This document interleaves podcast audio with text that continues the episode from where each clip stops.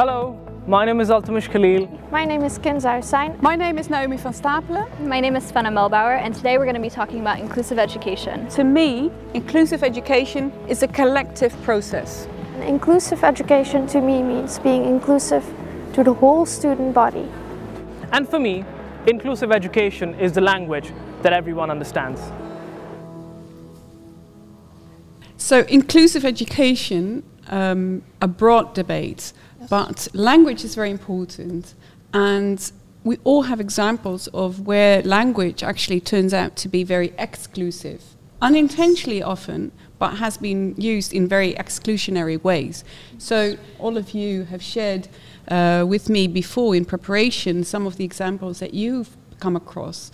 Um, so maybe I could ask uh, you to start with uh, an example that you shared with us, please. It does. Yeah. So in a class that I followed, which I'll keep anonymous, uh, there was a poem that was read by my teacher, and she used the N word repeatedly in it. She read it out loud, and I felt uncomfortable, but I wasn't sure what to say. And to I looked to other people for reactions, but no one seemed to speak up. So I ended up not doing it, but looking back, I really regret it because it could have been a moment of like educating my teacher on the fact that maybe she shouldn't use it. And maybe someone in the classroom is feeling personally really like uncomfortable. Because it was, I mean, she read the entire word out loud instead of saying the N word, she actually said the other yes, word. Several and times and sometimes you can say it in quotes and then you have to have a conversation about it. So yes. it's not just you can use maybe a word and to uh, have a moment of education but yes. she actually just said the word. And then you felt uncomfortable and maybe others did as well but you didn't feel that there was a safe space enough to discuss it. There, w- there was no conversation. What i notice a lot in these situations is that there's never a point of addressing the fact that something's wrong or something's been done that might be a bit exclusionary and disrespectful. And we have to come to that point to make progress, I feel like, but we just can't seem to get there, sadly enough. And language is violence. It's, it's a way of symbolic violence, right? It's yeah. exclusionary in many ways because it does reproduce particular exclusionary dynamics, and especially this type of language, um, when it refers to very, very painful histories, yes. we need to make these discussions explicit. Um, before I come to you, you also had a, uh, an interesting um, uh, reflection on the use of exclusionary language, although maybe in unintentionally, but then mm -hmm. still we need to be more aware as teachers and as students and, and staff and, and the entire community mm -hmm. at to how we use our language more inclusive. Yeah, I can remember back in high school that. Um, we would have some teachers who would sometimes use very academic language in the classroom, um, which is something that I think that we have the tendency to do if we're if we're teachers, and um, we've obviously gone through the education to get to that point. Um, but it would mean that some students didn't understand what the teacher was saying fully, and it kind of shuts them down from really interacting in the class or knowing what was going on in the classroom, just because of certain words that were being used when a teacher was teaching. Um, and I think, kind of going off of what Kinza was talking about, you language can be very comforting, but it can also be something that is very uncomfortable. And sometimes those uncomfortable conversations come from the use of language. Yep. And I, I, yeah, I kind of find that something um, that's interesting in the classroom that we kind of have to come to to be okay with being uncomfortable during some conversations. And also, how can we utilize language to be comfortable? And I think that sort of is related to what you were saying about um, how we can use language as a positive thing. Absolutely. So I believe in a classroom, it's really important to foster cooperation, and language plays a very pivotal role in that because if everyone is on an equal uh, in an equal level of understanding, then you know it it helps all the students achieve what they want. And here, I believe uh, a teacher's role is really important because a teacher is the one who, in a way, guides everybody, and a teacher is the one who should uh, help help all the students understand, uh, regardless of any bias or, uh, or, or their background or the student's background, to help them understand each other and uh, help them uh, eradicate any sort of uh, any element of exclusion. Mm. And it would be it's an opportunity to use any type of moment that exclusionary language or even uh, other kinds of discussions come up. These are moments to really have an educational conversation together, to learn together.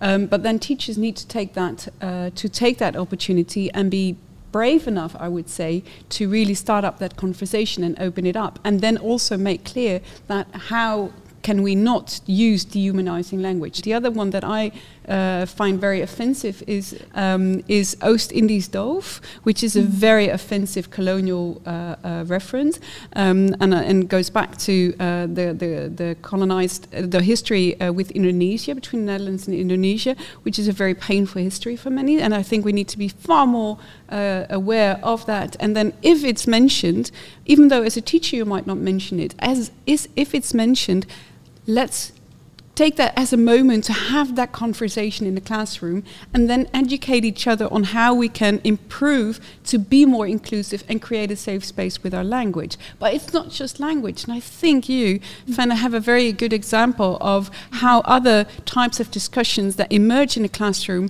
and when the teacher um, is reluctant to, to um, create that moment of mm-hmm. learning together mm-hmm. uh, has actually detrimental effects. So yeah. please. There was a, an incident that happened a few years ago um, in a class where uh, a teacher had asked a question about um, head coverings and a student had made a comment about how um, his sister, he's Dutch, how his sister um, doesn't wear a head covering because they live in a um, more developed country, relating, uh, mentioning the Netherlands, the fact that they grew up in the Netherlands. Um, and obviously, that made a lot of students in the room very uncomfortable. Um, and the teacher also recognized that that was a comment that that student shouldn't have made and that it was making everyone in the room tense, and you could really feel that in the classroom. Um, but instead of kind of going in and having a conversation on why there was that kind of tens- tension within the room, he, um, the teacher, sort of said, "Oh, you can't say that. That's really not okay to say," and continued with the the class that um, they were giving. Um, but after the class, because there was still that tension in the classroom, that entire you know hour and a half long class, um, a group of students started having a dialogue about the comment that had been made uh, with the student who made the comment, and also with other students had, who had different experiences. And we actually learned a lot from having that conversation. We kind of understood why that student had said what they had said. We got different perspectives from people who had lived in different countries, and um, we sit, I think we sat outside of the classroom for like an hour outside, uh, like at, uh, next to the class, and it was just a very educational um, conversation that we had. Um, but that could have happened during the class itself, and all the students who ended up leaving the classroom didn't hear that conversation that we had had. Um, and I understand why the teacher um, said what they had said because it was obviously a very offensive thing that the student had said and they didn't know how to deal with it. And I think the natural response is to say, you can't say that and let's try to move on as quick as possible. But there was potential for a conversation and that was sort of lost. It's a, definitely a missed opportunity from mm. the teacher's side to yeah. have that conversation in class and then direct it towards you know, we have these rules of conduct. We do not dehumanize in our language. We try to educate each other, but not everyone has the same background or the same familiarity with each other, uh, the same maybe knowledge uh, about uh, particular histories. The, what we want to create is an open culture in which we can actually educate each other instead of sort of silencing the conversation, try to stop it because we are so uncomfortable and scared to say the wrong thing. I think um, it's it's very good to be mindful with what we say. I mean, that's where we started with the language, mm-hmm. and at the same time, it's very good to then when something happens, especially between students. As a teacher, we have a different type of responsibility. We need to be very careful with our language in in everything, in in the in the text that we choose, uh, the language we use in class, and everything. At the same time, students come from different backgrounds. They come into this classroom, and we need to have them more as a point of departure of this pedagogical context that we create. Mm. So maybe could you say a bit more about that? Um, this specific example to me was something that I had to hear as a Muslim woman, and I immediately laughed it off. And then I looked up, and I look at my non Muslim friend who is blonde, has blue eyes, and is very Dutch, and she looks pissed off. Mm. And that, for that to have to make me realize that someone just said something really discriminatory that actually I shouldn't have to laugh off, but that person should have been held accountable for that and educated because it was literally a space for education, which it's, I'm still sad about that. I wish we mm. would have done something with it because I would have been excited to like give my input and actually clarify to him what it means because it almost makes me feel like the teacher was scared like that we were scared that i was going to get angry. And that to me is another stereotype that i have to deal with like being a brown woman because that makes me wonder like do people think i'm not able to communicate my culture in a peaceful manner? Because like that's literally what my religion is about. Like it's peace. Like I, I'm, I'm just a little disappointed in that case. Yeah So, how can teachers address their own assumptions about students? It might not even be already a stereotype, but at least assumptions. How can they start to address these a bit more? Yeah, so uh, I, I particularly uh, understood this from the point that you mooted uh, first when you told that you know people wouldn't understand if that particular point of view unless they understand the whole background behind it. So I guess uh, the teachers also have to understand uh, or learn in this way that you know there are different students from different cultures, and it'd be helpful if they took a part pa- partook in that discussion and you know in a way learned about how th- their history has been or how you know the history of islam has been in, in that particular context. I mean what is it actually? If if not this is it okay to address it like this then we are in, a, in an environment of you know inclusivity and then we can talk freely if if i never know how to address it i'll always be afraid of addressing it so uh, I, I kind of feel that it's really important to take part together and talk about discuss about certain things because I'm, a muslim myself and a lot of people come to me and ask okay uh, what about this? A, a lot of people consider consider offensive, or you know, I when I say some things, I'm always afraid that I shouldn't do it in this way. And that day, I had a really stimulating discussion with my friend. Okay, so the history is this, this is like this, and it's it's it's you know, it's always beneficial. It's it's it's never bad. It can never go wrong. You learn, or they learn, and you know, ev- everyone has to ha- has something to gain from that discussion. Hannah, Yeah. do you have something to add to that? What what can we do differently as teachers? Um, I think that you know there's always an element of um, self-educating yourself about world issues or different religions, and there's so many ways in which you can do that. I'm the internet is probably one of the best places because it's so accessible and so available. Um, and I think also speaking to your colleagues, Yes. talking to colleagues about things that have happened in the classroom. What can we learn from each other? Um, because teachers were once students as well. and I think that there's a lot of experiences that they probably had back in the day, so to say, um, that are still relevant today. Um, so I think that, yeah, there's two elements. It's also conversations with your peers, so other colleagues, other teachers, um, but also at home, kind of what can you do? Can you read books? Can you watch documentaries? Can you read a blog or watch a YouTube video about um, something that you want to talk about in the classroom, but you want to make sure that you're kind of fully aware of the cultural context of what you might be talking about for different students.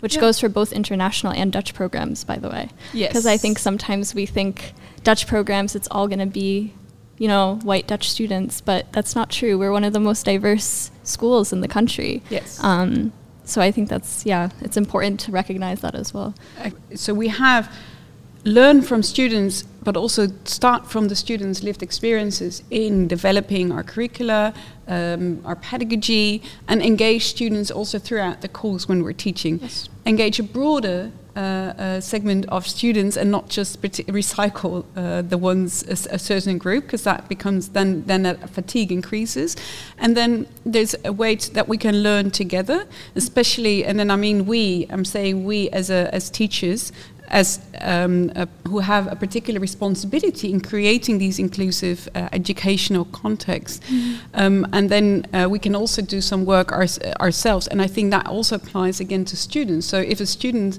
uh, is, is called out for saying something that might have been received as offensive, or even though it might not have been intentionally, it was received as such, so we need to look at the effect and not at the intention of communication all around, then we can also, as teachers, be ones that can hand out particular resources for further uh, self education and do that ourselves. And you may have another thing to add to this yeah, very important list. Absolutely. Uh, I, I, think Fenna uh, mentioned a really important point about diversity and the international platform that we're in right now.